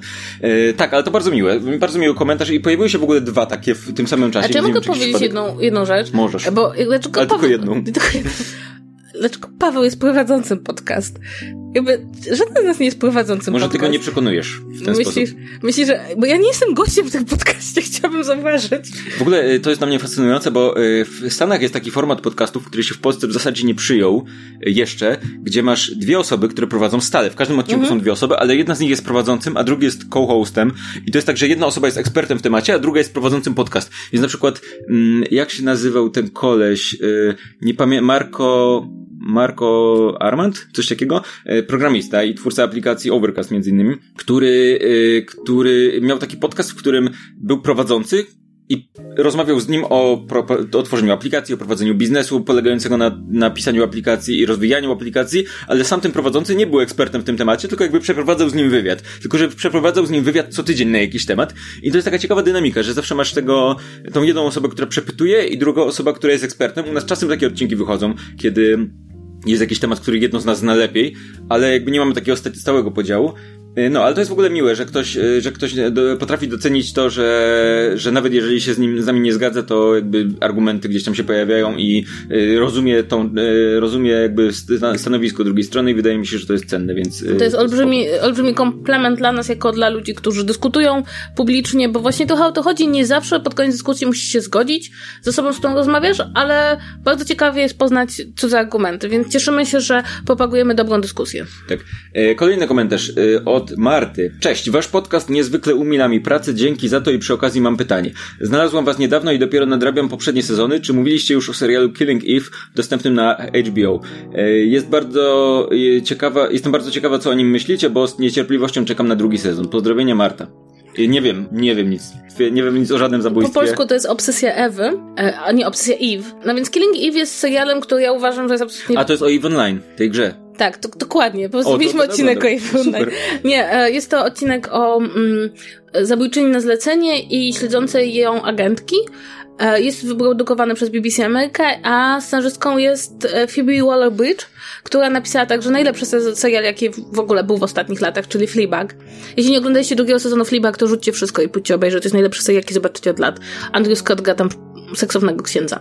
I to jest wszystko, co powinniście wiedzieć. Natomiast wracając do Killing Eve, ja zaczęłam oglądać ten serial, to znaczy obejrzałam pierwszy sezon, uważam, że jest że jest wybitny. Nie napisałam o nim tekstu, ponieważ jakoś tak wyszło, że wtedy nie, chyba go oglądałam po prostu tuż przed tym, jak trafiłam do szpitala i po prostu jakoś to się e, rozmyło. Natomiast uważam, że serial jest fenomenalny, ma świetnie napisane postacie kobiece. E, Sandra O gra w fenomenalnie, słowo fenomenalne się tu powtarza wielokrotnie i wydaje mi się, że to jest bardzo fajny przykład tego, jak e, dostajemy serial, który jest pisany przez kobietę, on jest na podstawie powieści, e, gdzie mamy główne, jakby wszystko koncentruje się wokół postaci kobiecych e, i jak tak naprawdę to udowadnia moim zdaniem, jak te same wątki pokazane w nowej dynamice, w nowej perspektywie stają się po prostu fascynujące i człowiek chce oglądać każdy kolejny odcinek, jest ciekawy, co będzie dalej. Mam nadzieję, że serial będzie równie dobry. Nie widziałam jeszcze drugiego sezonu, bo miałam rzeczy do roboty i po prostu się nie zabrałam. Ale tak, to znaczy, jeśli lubisz ten serial, to się absolutnie nie dziwię i każdemu polecam. Obsesja Eve jest na HBO e, i warto sobie obejrzeć ten serial. Jak się zaczniecie nim zachwycać, to pomyślcie sobie, tak dobre seriale są wtedy, kiedy robią je Brytyjczycy, tylko udają Amerykanów. E, dobra, mamy jeszcze kilka, ja nie wiem, nie widziałem, żadnej Ewy nie znam. No, znam jakąś Ewę, ale to nie ta. Czy Więc... Ewa ma obsesję? Czy znasz jakąś Ewę, która ma Każdy ma jakąś obsesję. E, słuchajcie, ja, mamy jeszcze listy do odpowiedzenia, mamy kilka listów, ale pomyślałem, że nie będziemy ich czytać w całości, to znaczy mam, mam fragmenty tych listów wypisane, ale postaram się je może streścić zamiast czytać je e, w całości, bo, bo to zajmie dużo czasu po prostu e, czytanie, czytanie całych tych listów. Więc e, postaram się to jakoś zrobić mniej więcej, mniej więcej rozsądnie. Kamil. Kamil pisze o tym, że pojawił się taki e, trend ostatnio na powracanie do starych filmów, robienie remake'ów e, starych filmów albo gier. Gier to w ogóle jest, e, jest może nie plaga, ale robienie gier, soft rebootów gier, które się nazywają tak samo jak pierwsza część, bo usuwa się numerek z nich. Wiesz, God of War, czwarta część serii God of War. Więc Kamil pyta, czy co myślimy o, o takim pomyśle, żeby zrobić remake książek na przykład. I podaje przykład Harry'ego Pottera, czy, czy co by było, gdyby na przykład J.K. Rowling hipotetycznie zupełnie wymyśliła sobie, że e, chce przepisać Harry'ego Pottera, zrobić nową wersję, reedycję e, i napisać tę książkę od nowa, albo Tutaj już ja dokładam, yy, albo gdyby, nie wiem, po latach ktoś inny stwierdził, że zrobi, wiesz, retelling Harry'ego Pottera trochę zmieniony yy, i i czy może więcej sensu miałby remake czy retelling książek sprzed kilkuset lat, żeby łatwo się je czytało we współczesnym, współczesnej wersji? Jakby, mm, okej. Okay. Ja mam, ja mam bardzo dużo, dużo przemyśleń na ten temat. Zacznijmy od tego, że remake filmów i też chyba remake gier do pewnego stopnia robi się dlatego, że Oba te, mm, oba te rodzaje dzieł e, zostały stworzone w bardzo określonych możliwościach technicznych, które się zmieniły przez lata. To znaczy, jakby e, zmieniło się to, jak kręcimy filmy, mamy coraz lepsze efekty specjalne, zmieniło się to, jak robimy gry, mamy coraz lepszy sprzęt i większe możliwości. W przypadku literatury żadna zmiana technologiczna nie zaszła. To znaczy, e, możemy czytać sobie spokojnie Homera i Horacego, którzy są autorami starożytnymi, no i jakby oni pisali i współcześni autorzy piszą, tak? Zmieniają się języki, zmienia się alfabet, E, są jakieś nowe mody czy nowe trendy, ale ogólnie rzecz biorąc, pismo pozostaje e, niezmiennym elementem, który jakby nie, nie upgrade'owaliśmy pisma, tak? W chwili, w której upgrade'owaliśmy pismo do obrazu, wymyśliliśmy film. I to sprawia, że jakby nie ma takiej technologicznej potrzeby, technologicznej potrzeby e, upgrade'owania tekstów pisanych. Co się tyczy pisania w wersji na nowo, czy dodawania czegoś po latach, to to nie jest coś takiego, że to się nigdy nie zdarza. Tutaj przykładem może być fakt, że na przykład Przeminęło z wiatrem jest taką książką, która bardzo wiele osób ma do niej pretensje, bo ona ma otwarte zakończenie. To znaczy nie wiemy do końca, co się stało z bohaterami. Nie wiemy, czy przeminęło, przeminęło czy nie przeminęło. Nie, przeminęło, na 100% przeminęło, ale, ale co zostało po tym, jak przeminęło, to jeszcze nie wiemy. I po latach wychodziło bardzo wiele i kontynuacji, i książek, które były właśnie retellingami. E, żadna z nich nie była równie udana. Mm, podobnie jest na przykład e, na, z okazji 500, 500 urodzin, a może śmierci Szekspira, chyba urodzin, był taki pomysł, w Wielkiej Brytanii wyszły książki, e, każda z tych książek miała tytuł od jakiejś sztuki Szekspira e, i były to książki, które mm, nawiązywały tematem do, do tych właśnie historii, tylko próbowały je opowiedzieć na nowo. Zresztą akurat Szekspir jest przykładem takiego ciągłego retellingu, prawda, bo mamy ciągłe wystawienia, które biorą te same słowa, ale zmieniają ich kontekst. W związku z tym mamy albo jest kompletny retelling był taki, były takie seriale, taki serial BBC e, Shakespeare Retold, który właśnie przenosił w, na przykład w czasie czy w warunkach. E, też musimy pamiętać, że jeśli chodzi o pewien upgrade, no to chociażby dzisiaj e, nikt nie wydaje tekstów XIX-wiecznych czy wcześniejszych w takiej gramatyce, w jakiej były wydawane, tylko się ją unowocześnia. Jakby nie czytacie do końca tego, co napisał Mickiewicz, tylko, czy Słowacki, tylko do, dostajecie wydania, które są dostosowane do współczesnej polszczyzny bardziej, e, przynajmniej pod względem zapisu. Ale ogólnie wydaje mi się, że to trochę nie ma sensu. To znaczy, po pierwsze, przykład Harry Pottera wydaje mi się o tyle ciekawy, że Rowling nie zamknęła tego świata, ciągle coś dopowiada i wszyscy są ściekli. Mm, a inna sprawa jest taka, że wydaje mi się, że z książkami jest tak, że ponieważ one korzystają z naszej wyobraźni do tworzenia tego świata, do tworzenia wszystkich efektów specjalnych, to tak naprawdę nie, nie trzeba ich update'ować, tak? To znaczy, jeśli masz napowiedziane, powiedzmy, Harry sięgnął po telefon e, i ten telefon, który, po który sięga Potter, e, kiedy pisała go autorka, był telefonem stacjonarnym, a kiedy czyta go ktoś, mm, powiedzmy, w 2019 roku automatycznie myśli o smartfonie, to to nie ma większego znaczenia, bo mm, książka korzysta z naszej wyobraźni, która się sama update'uje. I też wydaje mi się, że, że ogólnie rzecz biorąc, jeśli się przyjrzymy literaturze, tak naprawdę, to literatura jest ciągłym przerabianiem tych samych tematów, e, bo nie w bezpośredni sposób. Jakby wędrówka bohatera, tematy baśniowe, stracona miłość, e, kochankowie, którzy chcą być razem, ale nie mogą, władca, który przypadkowo dostaje władzę, rzeczy, które pojawiają się w najbardziej podstawowych opowieściach naszego kręgu kulturowego, czy każdego kręgu kulturowego, e, ciągle wracają. W związku z tym to jest trochę tak, że jeśli spojrzymy na historię literatury, e, to to są ciągle te same historie zmieniających się dekoracjach. W związku z tym tak naprawdę każdy, każdy autor robi troszeczkę własny reboot tych takich zupełnie pierwotnych tropów literackich. Więc nie wydaje mi się, żeby to było potrzebne, chociaż uważam, że pytanie jest niesamowicie ciekawe, bo nigdy nie słyszałam, żeby ktokolwiek je zadał. W ogóle y, ja mam może nie mieszane uczucia, to znaczy z jednej strony mam, mam myślę trochę jak ty i, i wydaje mi się, że to, to byłoby trochę dziwne, bo właśnie nie, nie ma upgrade'owania książek. Z drugiej strony mam takie poczucie, że kurde, chciałbym przeczytać trochę inną wersję Harry'ego Pottera i nawet mam pomysł na nią. To znaczy po pierwsze jest tak, e, w ostatnich dwóch częściach głównie Harry Potter staje się wredny, w sensie zrobi się taki złośliwy, potrafi się odciąć i tak dalej, i tak dalej. Wcześniej taki nie jest. Wcześniej jest czasem strasznie upierdliwy albo głupi po prostu. Harry jest, Harry jest debilem, jak przeczytać te książki, on jest kretynem. Czasem nie docierają do niego zupełnie oczywiste rzeczy, bo on tylko by chciał komuś tam przyjebać. I chciałbym zobaczyć książkę, w której on od, po, od początku jest taki, że on się od początku potrafi odciąć, zwłaszcza Malfoyowi, którego jak się czyta książkę po latach, to Malfoy jest strasznie kiepskim, yy, jak to się nazywa, bully, yy, po polsku, nie wiem, jak jest... Dręczycielem. Drę, jest strasznie kiepskim dręczycielem. On tylko w kółko powtarza e, Hermionie, że, że jest tam tą nie, nie magiczną szlamą czy kimś tam, a Haremu, że jest, e, Ronowi, że jest biedny, a Haremu, że nie ma rodziców. I to są to jest wszystko, nie? I, i, tak by się prosiło, bo, bo jest, jego byłoby tak łatwo skontrolować. A Harry się tylko wkurza zawsze i chce mu przyłożyć, nie? I i chciałbym zobaczyć taką wersję, w której, w której yy, nie wiem, jak, jak, yy, jak Malfoy mówi, że Harry nie ma rodziców, to Harry mu odpowiada, że woli nie mieć niż mieć takich jak on, czy cokolwiek, nie? No to jest, to się aż prosi o to. Po drugie, zmiana, którą bym bardzo przytulił i uważam, żeby świetnie wpłynęła na tę książkę i usunęła bardzo wielu problemów z nich, z nią, to jest to, żeby Harry, Ron i Hermiona byli w trzech różnych domach które nie tak, są Slytherinem. Tak, tak. Dlatego, że oni się, po pierwsze, to, to, to teraz jest taka, w obecnej wersji książki jest taka wersja, obecnej wersji, tak jakby powstawała nowa już. E, w, w książce jest taka dynamika, że y, Gryffindor najlepszy, te inne są ok, ale jakby nie ma to znaczenia, bo Gryffindor i tak najlepszy i Slytherin zły. Wyobrażam sobie absolutnie sytuację, w której w której bohaterowie są w tych trzech domach, chociażby tych w cudzysłowie dobrych, a może chociażby, może jest jakaś postać czwarta, która jest ze Slytherinu i pokazuje, że, że to też jest, te, ten dom też jest w porządku, bo on jest w porządku hipotetycznie. Rowling jak próbuje powiedzieć, że tak, bo oni tam, y, to oni, oni cenią resourceful, takie, y, takie, nie wiem jak to się mówi po polsku, ale, ale to, żeby dobrze zarządzać i dobrze planować rzeczy, tak żeby jak najmniej się wysilić, a, i to nie jest zła cecha, nie? Ale oni są źli, to są naziści, po prostu tego świata koniec, no jakby to, ona nie potrafiła tego przekazać w książce, wszyscy bohaterowie z Slytherinu są albo, albo źli, albo przynajmniej częściowo niemoralni, więc to jest takie na papierze, że to jest okej. Okay. I to jest w ogóle ciekawe, bo mnie na przykład te oficjalne cechy, te dobre cechy Slytherinu, które są, bardzo na przykład pasują do mojego charakteru, ale postaci, które tam są, nie, nie, nie, nie pasują nie do tych cech, które są. Nie jestem nazistą, więc my jestem pech.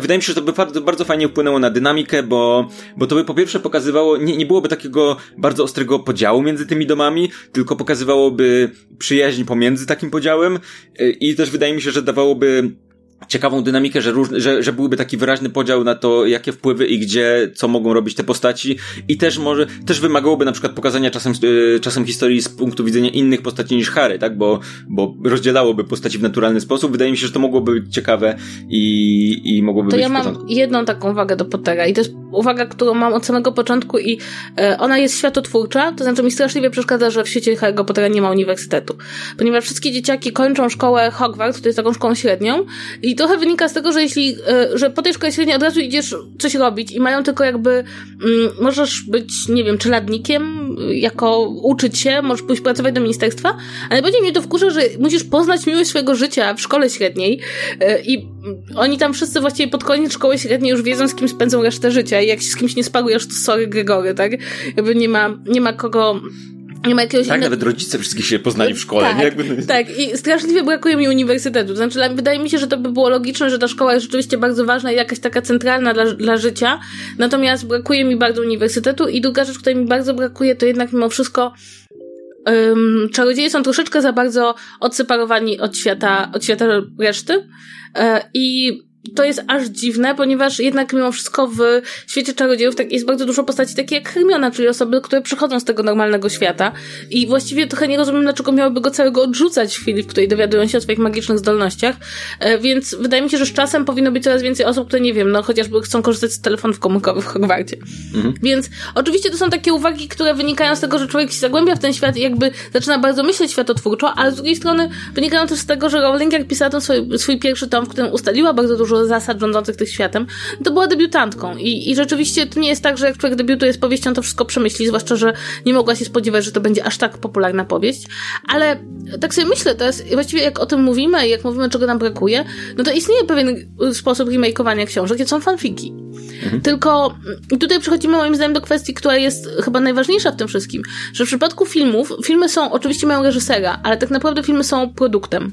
Są produktem, do którego większość praw należy do wytwórni, no i wytwórnia może wypuszczać nowe wersje produktu. Natomiast w przypadku książek, a zwłaszcza powieści, e, to one należą do autora jeśli autor nie wyda zgody, jeśli nie jest otwarty na taki remake, e, jeśli nie otworzy się jakby na to, no to nie ma, nie ma możliwości, jeśli on nie ma takiej potrzeby, albo jeśli nie pozwoli komuś wejść do swojego świata oficjalnie. Więc to też jest po prostu taka różnica w tym, czym tak naprawdę jest z punktu widzenia e, gospodarczego film, a książka. Mam doskonały pomysł. Tak? Mam, mam przedoskonały pomysł.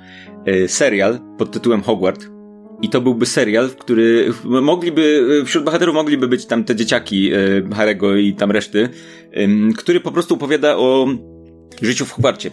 I o dziwnych przygodach, o trochę życiu nauczycieli, trochę życiu jakiejś grupy postaci i tak dalej. Wydaje mi się, że to jest super. Spin-off Hogwarts byłby ekstra. Podobno jest, pojawia się serialowy spin-off Johna Wicka, ten y, The tak, Continental. tak. Y, więc chciałbym zobaczyć The Hogwarts. Ja bym, wiesz co chciałabym zobaczyć? Co, czego bym bardzo Kogoś, kto świetny z eliksirów i uważa Snape'a za najlepszego nauczyciela na świecie i w ogóle cieszy się na każde zajęcia ze Snape'em, jest taki wkurzony przez to, że ten potek ciągle odciąga Snape'a od uczenia eliksirów. I, I to jest taki człowiek, który myśli o Snape'ie jako o swoim mentorze, mm. który go wszystko nauczył. E, tak, albo wyobrażam sobie y, serial Ministerstwo Magii, który byłby takim political fiction w stylu tego, w stylu gry, jak to nazywa? House of Cards? House of Cards. Tak. E, I, I ten, więc to sobie wyobrażam absolutnie. I to byłoby, to byłoby odjechane dopiero, nie? Ale Hogwarts, ja autentycznie bym przytulił chętnie taki serial, taką trochę magiczną teen dramę.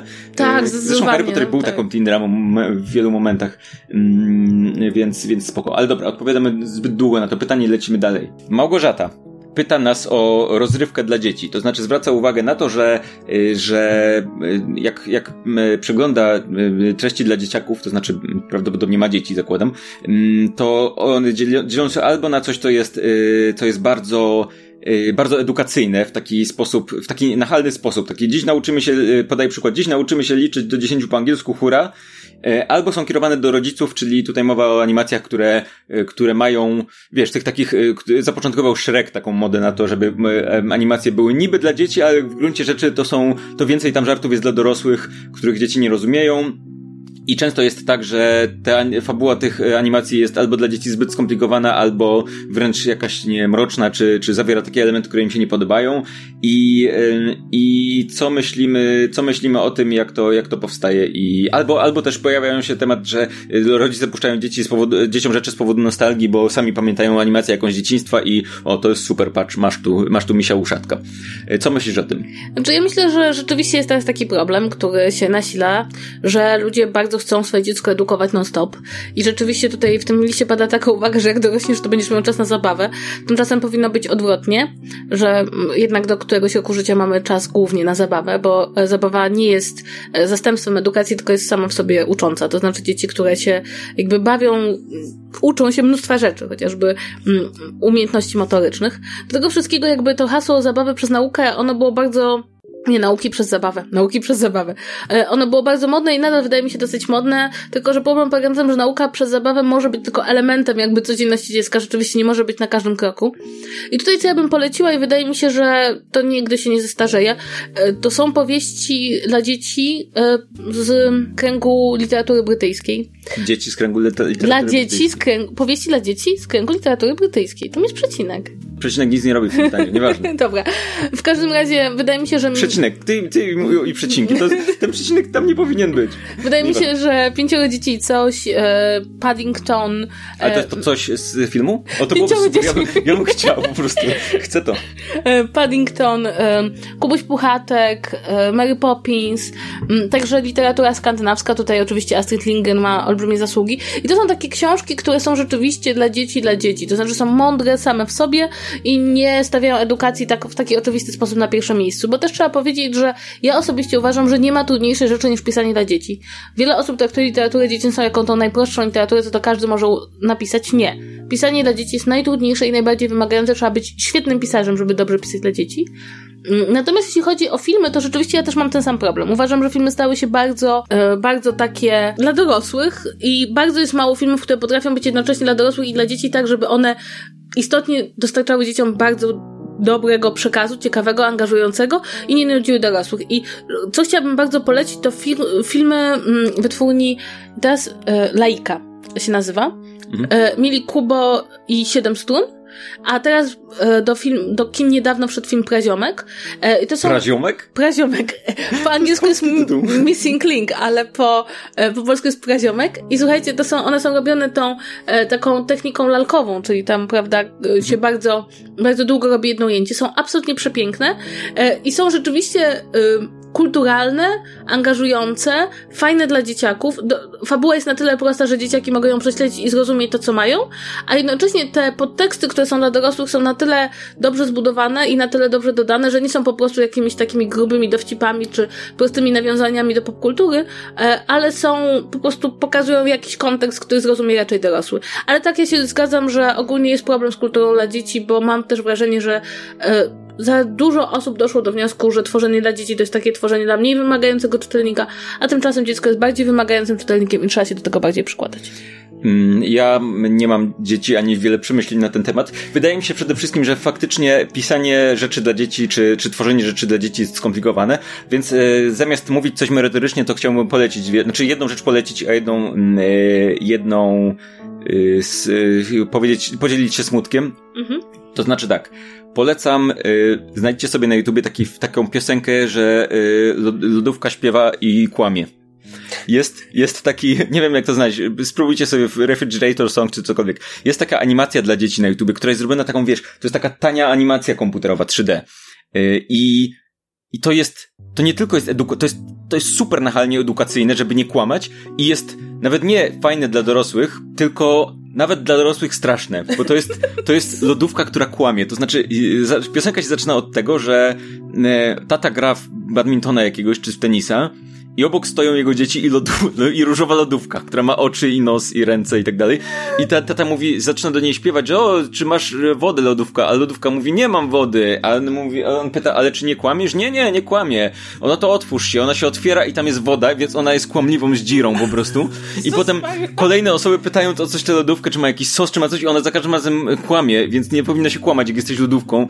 I, i to jest tak dziwne. to jest tak dziwne, po prostu jest ta lodówka, która chodzi z tą rodziną nie wiesz, czy oni są naćpani wszyscy, co, co się dzieje w ogóle, wiesz, yy, dziwne, to, to jest tak dziwne i niepokojące, ja bym tego dziecku nie puścił, to, wiesz, skończysz jak ta lodówka, nie, na złomie, a. Słuchaj, a słyszałeś o tym, że Amerykanie mają problem, bo ich dzieci oglądają Świnkę Pepe i zaczynają mówić po angielsku z brytyjskim akcentem? O, no to, to źle? Ale zaczynają mówić na przykład, nie wiem, nie chcą cookies, tylko crumpets. czy, czy, czy mówią, nie wiem, elevator zamiast lift, czy lift zamiast elevator. Ostatnio, y, i ostatnia rzecz, która mnie wkurzyła, mhm. to jest to, że zwykle właśnie te filmy mają, są, są niby dla dzieci, ale mają żarty dla dorosłych, ale jest jeden film, na który bardzo czekałem, yy, ponieważ nie, nie ma żartów dla dorosłych, ale ma obsady dla dorosłych. To znaczy, mm, nie wiem, czy widziałaś Ugly Dolls z Jastuny. Tak, widziałam.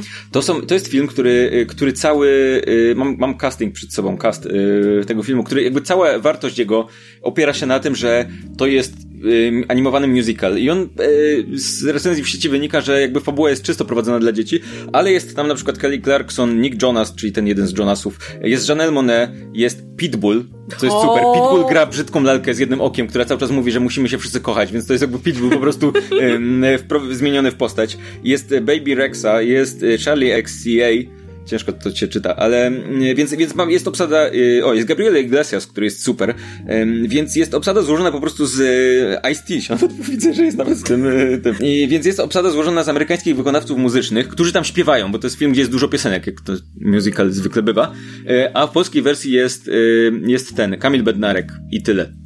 Ale I, to jest, to jest, to jest... I aktorzy głosowi inni, ale to jakby nie są znani muzycy polscy czy coś takiego.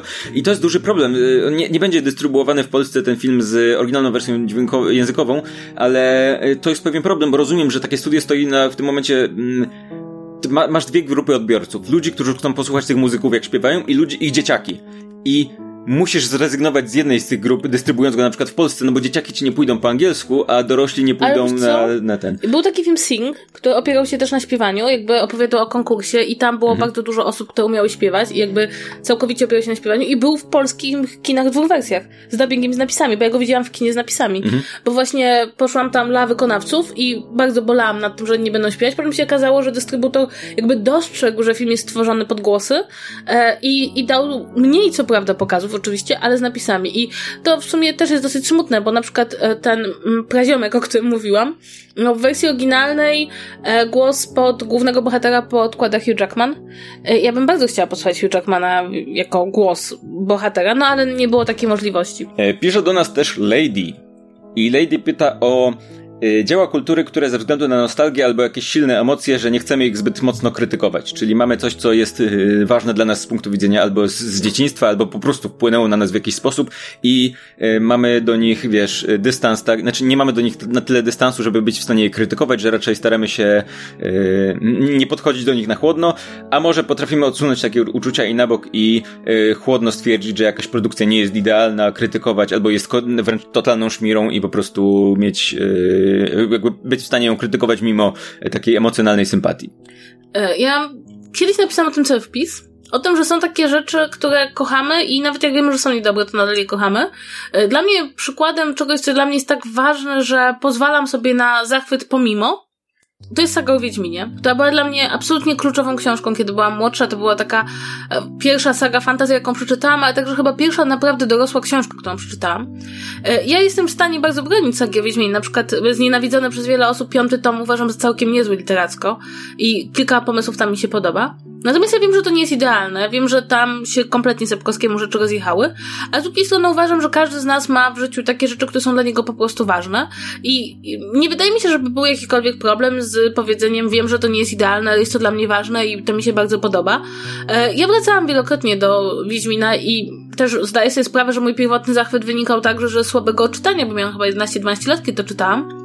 Ale z drugiej strony mam też takie wrażenie, że zbyt często dochodzimy do wniosku, że jedyną poważną reakcją na dzieło kultury jest to, żeby z czasem zacząć do niego podchodzić coraz bardziej krytycznie i się do niego dystansować. I jakby zawsze nieufnie podchodzimy do zachwytu.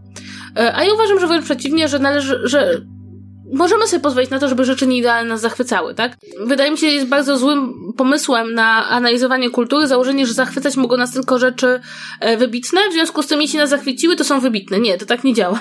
E, I tak samo nie wydaje mi się, żeby było coś złego e, w, we wracaniu do rzeczy, które znamy i które kochamy i analizowaniu ich po, po jakimś czasie, bo to dobrze robi, bo też my się zmieniamy, tak? Jakby pewne rzeczy, których nie widzieliśmy, kiedy zaczynaliśmy, tak jak w moim przypadku na przykład czytać Wiedźmina, e, w pewnym momencie już dostrzegamy pewne nawiązania literackie, pewne błędy, pewne wykorzystanie schematów. E, więc ja nie mam z tym problemu. Mam problem tylko z założeniem, że to, co lubię, musi być wybitne, bo uważam, że to jest bardzo płaskie, bo jak coś mi się podoba, to nie znaczy, że jest dobre, te dwie rzeczy nie muszą występować razem. A z drugiej strony też bardzo nie lubię kiedy ktoś mi mówi, że, znaczy, albo kiedy ja komuś mówię, że coś jest bardzo dla niego ważne, jest to taka istotne dzieło kultury popularnej, czy w ogóle kultury dla tej osoby, a, a ktoś nagle zaczyna tą rzecz bardzo krytykować, bo wydaje mi się, że powinniśmy uszanować uczucia innych osób.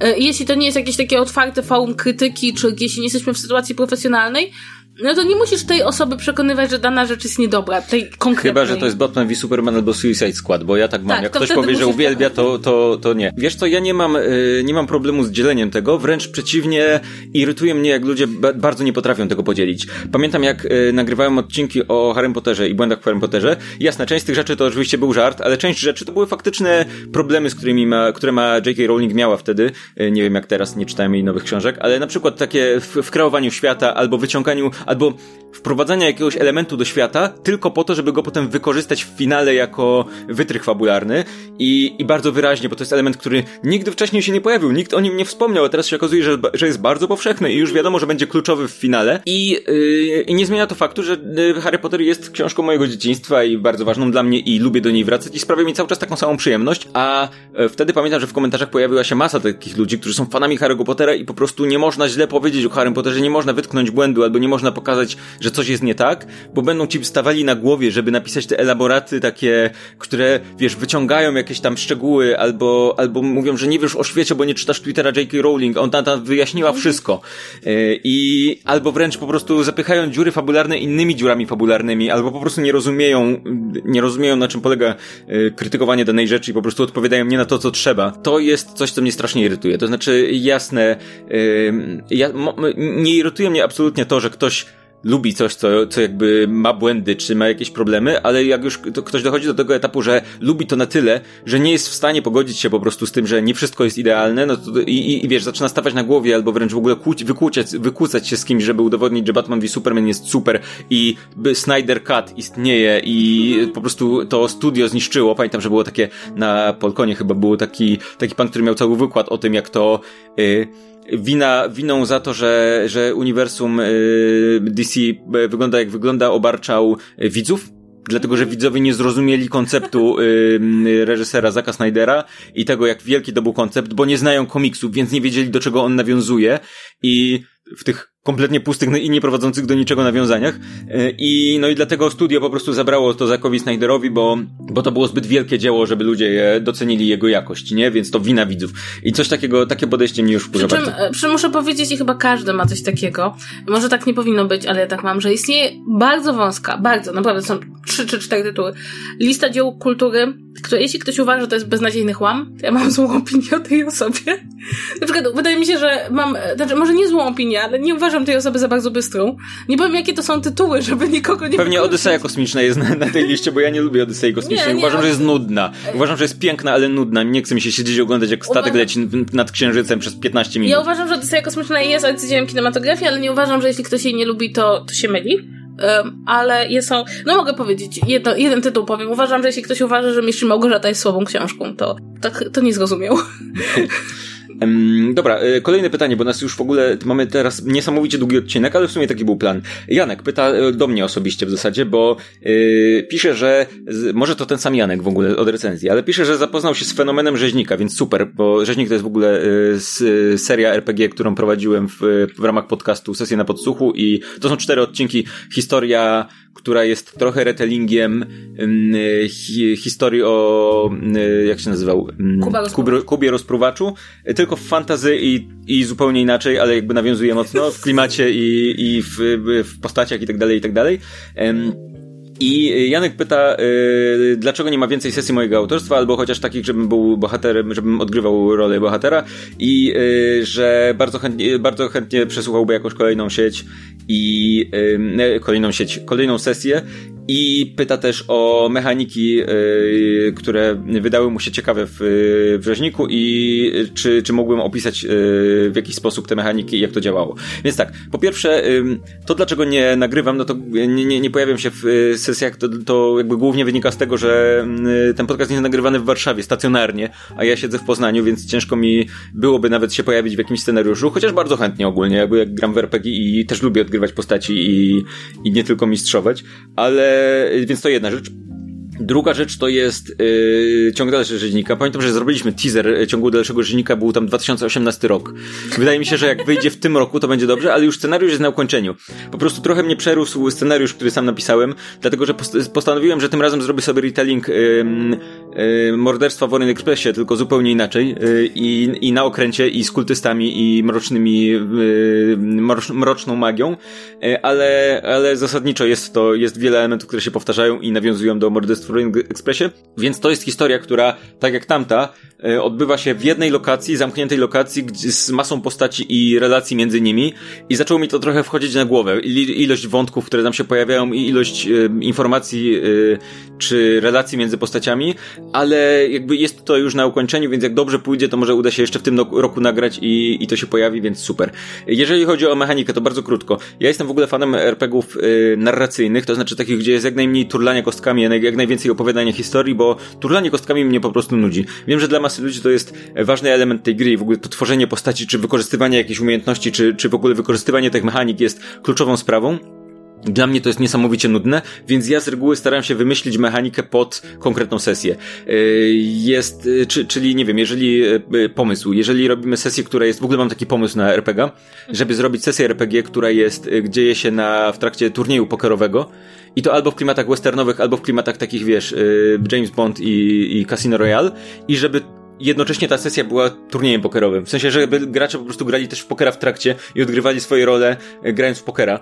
E, to bardziej larpowe by było, ale żeby to było połączenie faktycznie turnieju pokerowego, gdzie ktoś może wygrać i na przykład dać graczom możliwość oszukiwania w, jakimś, w jakiejś e, mechanikę i jeżeli na przykład byłyby, byłyby jakieś, jakieś decyzje czy jakaś mechanika, to ona by się opierała na losowaniu kart i na przykład, że trzeba byłoby, nie wiem, wybrać kartę, masz jakiś tam swoją podstawowy, podstawową cechę, ale dodatkowo wybierasz kartę i łączysz te wartości, także masz wiesz, jeszcze w klimacie ten ale mówię, staram się wymyślać mechaniki, które są dostosowane do danego systemu. Przy rzeźniku trochę tak nie było, ona była bardziej ogólna i trochę to wpłynęło na grę, dlatego że tam jakby y, cała, wszystkie, wszystkie rzuty się opierały głównie o spostrzegawczość albo inteligencję bohaterów, albo ich wiedzę, a były tam też cechy jak siła, czy jakaś zręczność, które się w zasadzie prawie, że w ogóle nie były wykorzystywane, mm, więc trochę mogłem to bardziej zrobić detektywistyczną mechanikę, ale i też nie uważam, żeby ona była jakaś bardzo dobra, więc, y, więc, ale jeżeli będę wymyślał jakąś kolejną, to, to może bardziej ją opiszę dokładnie w, w ramach tej sesji.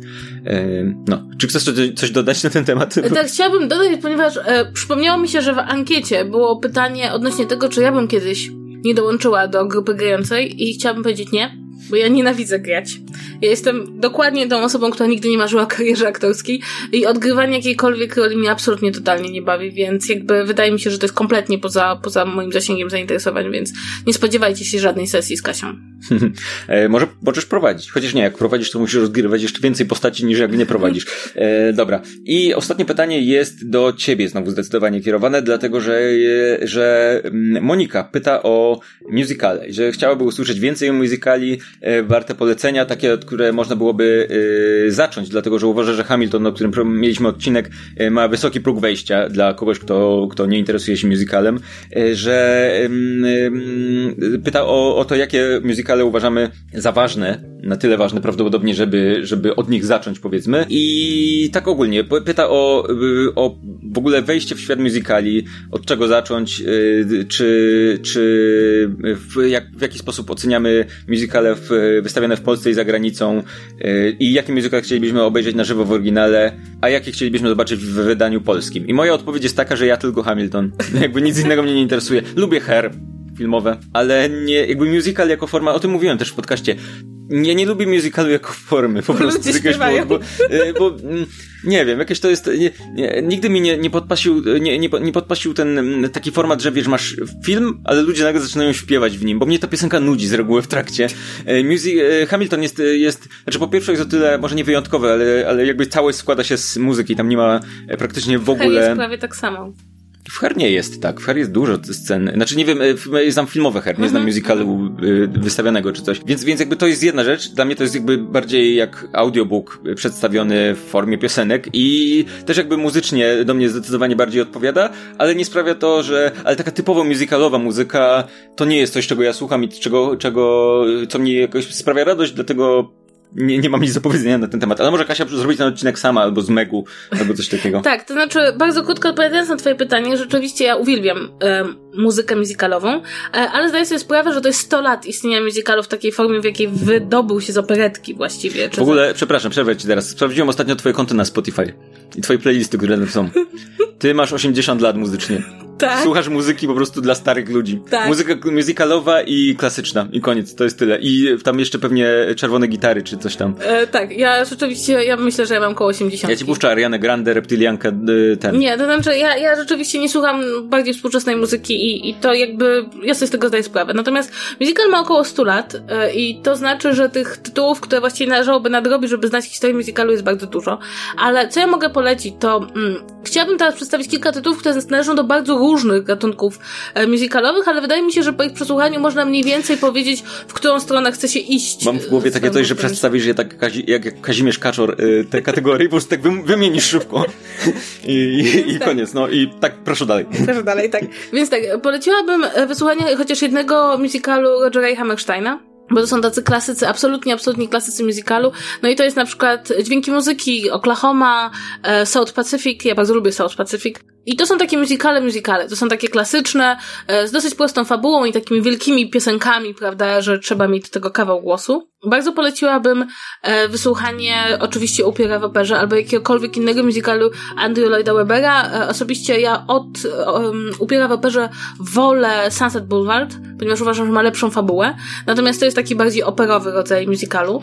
E, oczywiście West Side Story to jest taki klasyczny musical, który jednak no, pod względem muzycznym niesamowicie e, jest wymagający, jeśli się, jeśli się człowiek przyjrzy tej partyturze. Sweeney Toda, bo jeśli poznacie Sweeney Toda, to znaczy, że wchodzimy w Sondheima, a Sondheim jest takim bardzo, bardzo specyficznym twórcą musicalowym, który właśnie nie tworzy najbardziej melodyjnych musicali, one są e, pod względem wykonawczym bardzo trudne, ale jednocześnie są bardzo angażujące, bardzo emocjonalne, no i wydaje mi się, że Sweeney Todd jest takim dobrym wejściem. Um, poleciłabym jeszcze wysłuchanie Nędzników, jako taki przykład, no takiego fenomenu musicalowego, który też jest e, co ważne, musicalem europejskim. No i tutaj chyba z tych nowszych e, poleciłabym jeszcze dwa musicale, które ja bardzo lubię, które niedawno się pojawiły, to jest Anastazja.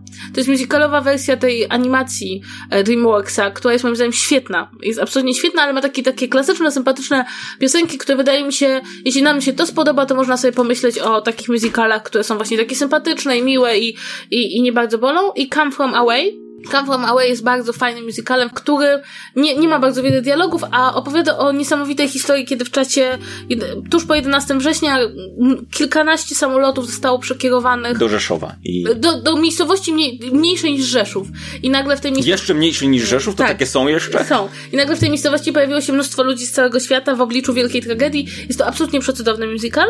No i na sam koniec, jeszcze jeśli już bym miała za zakończyć tą taką moją absolutnie krótką i niewystarczającą przebieżkę po musicalach, to chciałabym jeszcze polecić, jeśli nie, się nie słyszało, to kabaret, bo kabaret pokazuje, jak, jak wybitną historią może być musical. I to jest trochę tak, że z musicalami, e, no jest troszeczkę tak jak, że musical jest no, jak opera, znaczy chciałam powiedzieć jak opera, ale to jest tak wielki, to nie jest gatunek muzyczny, to jest sposób wykorzystania muzyki w specyficznym rodzaju przedstawienia. W związku z tym jakby przez te 100 lat zmieniały się style, zmieniał się sposób śpiewania, zmieniały się pomysły na muzykale, więc trudno powiedzieć, przesłuchasz te pięć muzykali, to będziesz wiedzieć wszystko.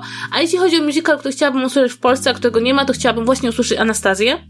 A w ogóle to chciałabym ją usłyszeć w tym oryginalnym wykonaniu broadwayowskim, bo było naprawdę super. Jeśli chodzi o polskie muzykale, to Mam wrażenie, że problem, e, problem jest głównie taki, że nawet jeśli nie brakuje nam głosów, to Tradycja w musicalach jest taka, że śpiewa się w językach narodowych, w związku z tym są tłumaczone. No i niestety, jeśli znasz oryginał, a potem słuchasz polskiego tłumaczenia, to bardzo rzadko zdarza się, że to polskie tłumaczenie jest naprawdę mm, dobre. To znaczy, jakby zdarzają się dobre fragmenty, ale nie są to wybitnie przetłumaczone muzykale, przynajmniej moim zdaniem. E, no i też problem polega na tym, że mamy dosyć mało teatrów muzykalowych. Nie ma, no w Warszawie są trzy bodajże, a taki jeden, który się wybija, to jest Roma.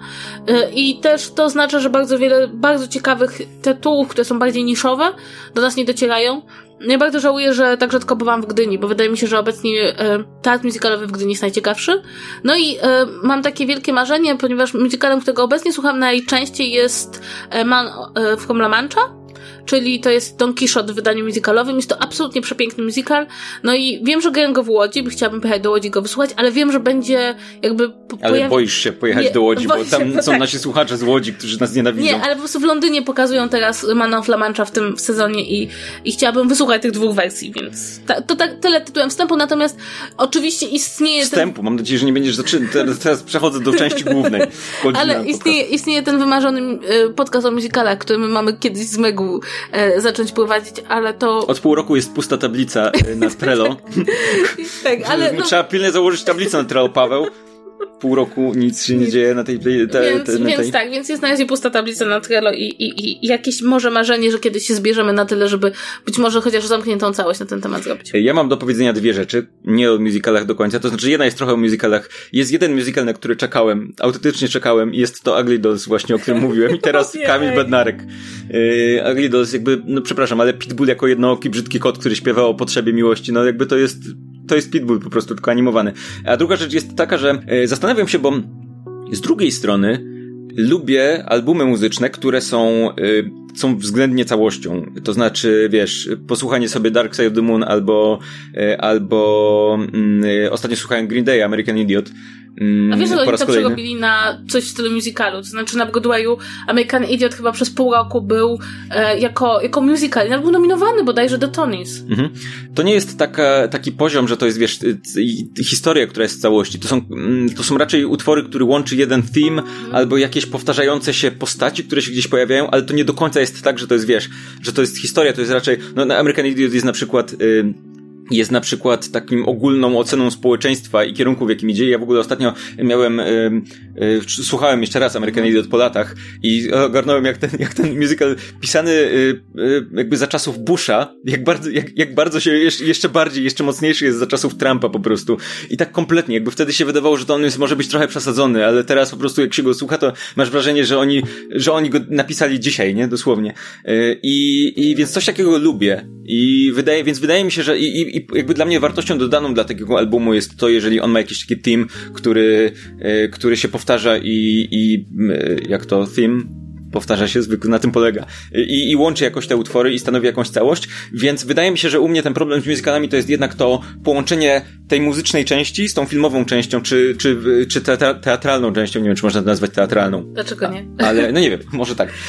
Więc, y, więc wydaje mi się, że to jest tu gdzieś na styku, że jak chcę zobaczyć albo jedno, albo drugie, a tu połączenie jakoś mi się cały czas gryzie. Y, Paweł, i to może ja ci coś zaproponuję, bo teraz dzięki Spotify możemy słuchać całych ścieżek dźwiękowych z musicali bez oglądania musicali. Jakby ja Come From Away obejrzałam na bootlegu, bo inaczej się tego nie da zrobić. Y, po tym, jak przesłuchałam płytę chyba kilkanaście razy, więc można... Ale czy, no bo w większości słuchać. musicali zakładam, że ma tę, tę część taką, y, tę, tą teatralną, czy jednak jest tak, że większość, czy że duża część ma tylko muzykę? Jest bardzo dużo musicali, które nawet jeśli mają część teatralną, to i tak możesz wysłuchać wszystkich piosenek i one się układają w historię. Tak jest z Anastazją. Anastazja ma jakąś część teatralną, ale autentycznie jeśli wysłuchasz cały, wszystkich piosenek z Anastazji, to masz całą historię. Mhm. Jakby wiesz, co się dzieje po kolei. Więc ja bardzo często mam tak z musicalami, zwłaszcza tymi, które są nowe i są tylko wystawiane na Broadwayu, że czytam sobie pobieżnie streszczenie, żeby wiedzieć, w którym momencie się te piosenki pojawiają, a potem słucham tych piosenek i nagle się okazuje, że kurczę, że po prostu nie potrzebuję tej sceny, nie potrzebuję mhm. tych wszystkich scen pomiędzy. Czy też, też mam wrażenie, że duża część z nich to jest jednak taka typowo musicalowa muzyka. Musicalowa muzyka, to nie wiem, dziwny zbitek słów. I, i to on, jej, za nią też nie bardzo przepadam, nie, nie, nie, nie, nie przepadam może na tyle, żeby znaczy, nie wiem, czy historia byłaby na tyle ciekawa, żebym e, e, miał ochotę słuchać tego gatunku, który jakby nie jest moim ulubionym. Nie boli mnie też jakoś bardzo. To nie jest reggae, ani Ed Sheeran, więc e, spoko, można, może żyć, może istnieć, ale, ale nie wiem, zobaczymy. Ale jeżeli masz coś do polecenia, to ja chętnie. I to jest tyle, jeżeli chodzi o nasze listy i nasz sezon. Więc to miłe. To chyba jest ostatnia okazja, kiedy ktoś mógł kupić naszą koszulkę z okazji dziewiątego sezonu, Tak, prawda? tak. Jak, y, jak y, być, zależy oczywiście od tego, jak szybko sklep nam y, ją usunie, jak poprosimy, bo może to zająć chwilę, ale jeżeli chcecie jeszcze kupić koszulkę z dziewiątego sezonu, to podsłuchane.pl sklep jest adresem, pod który powinniście się udać.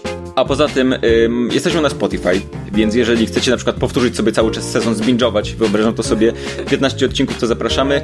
I jak zawsze na koniec sezonu robimy sobie przerwę y, i to jest ten moment, w którym być może wprowadzimy jakieś nowe pomysły do podcastu, jakieś zmiany, jakieś, nie wiem, nowe formaty, jakieś nowości, więc to jest dobry moment, żebyście nam napisali maila, na przykład jeżeli macie pomysł na jakiś no, nowy segment, albo nowy e, pomysł w odcinku, albo cokolwiek innego.